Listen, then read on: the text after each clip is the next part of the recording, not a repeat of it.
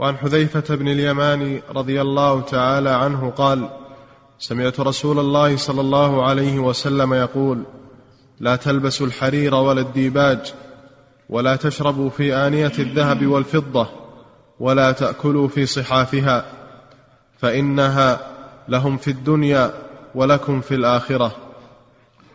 نعم. لا تلبسوا. نعم. لا تلبسوا الحرير ولا لا تلبسوا الحرير ولا الديباج. الديباج نوع من الحرير ولكنه نوع خاص وهو ما رق من الحرير ما رق من الحرير.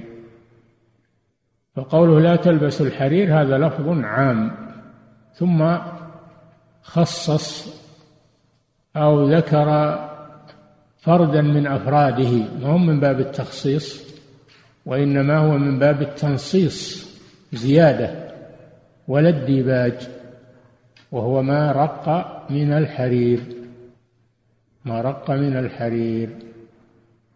لا تلبسوا الحرير ولا الديباج.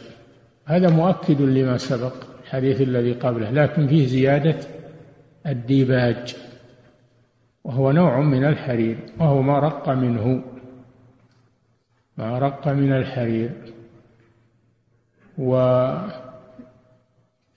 أيضا النهي عن الشرب في آنية الذهب والفضة. وهذا محله في باب الآنية كما سبق. كما سبق في باب الآنية. فيحرم على المسلمين رجالا ونساء يحرم عليهم أن يتخذوا أواني الذهب. والكيسان والأكواب من الذهب للشراب أو للقنية والتزين بها وجعلها من من أدوات الزينة في البيت. هذا حرام لا يجوز لا للرجال ولا للنساء. لما في ذلك والله أعلم من الفخر والخيلاء. وقيل لما في ذلك من كسر السكة لأن الله خلق الذهب والفضة لتكون نقودا وأثمانا فلو أنها جعلت أواني لضيق ذلك على الناس. وأغلى الذهب والفضة على الناس فهي تستعمل لما خلقت له. وأما الأواني فهناك أواني غيرها وقد تكون جميلة أيضا أواني جميلة. ونحن لا نمنع من استعمال الجمال في الأواني لكن الذهب والفضة خاصة هذا ممنوع. هذا ممنوع بنص الحديث. ويأتي في الحديث أنها لهم في الدنيا يعني للكفار ولكم في الآخرة. الآخرة الجنة أوانيها من الذهب والفضة كما في القرآن. من الذهب والفضة يطاف عليهم بصحاف من ذهب وأكواب يعني من ذهب. فضة أيضا فالذهب والفضة تكون من أواني أهل الجنة.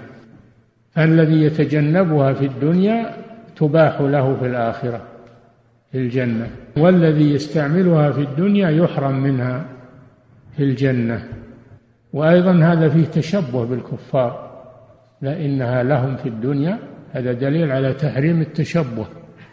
وأن ما كان من خصائص الكفار لم يجوز لنا أن نتشبه بهم فيه.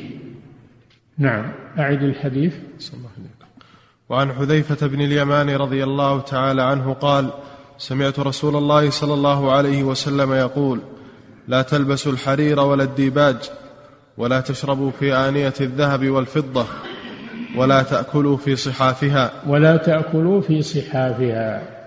يعني لا يجوز استعمال أواني الذهب والفضة سواء للأكل أو للشرب أو للقنية.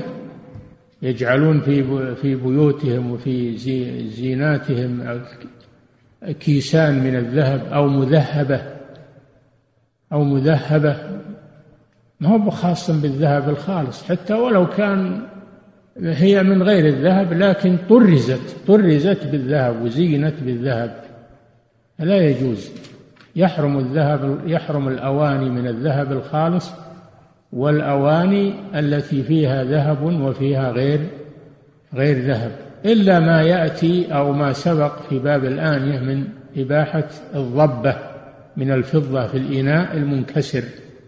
هذا سبق في باب الآنية. نعم.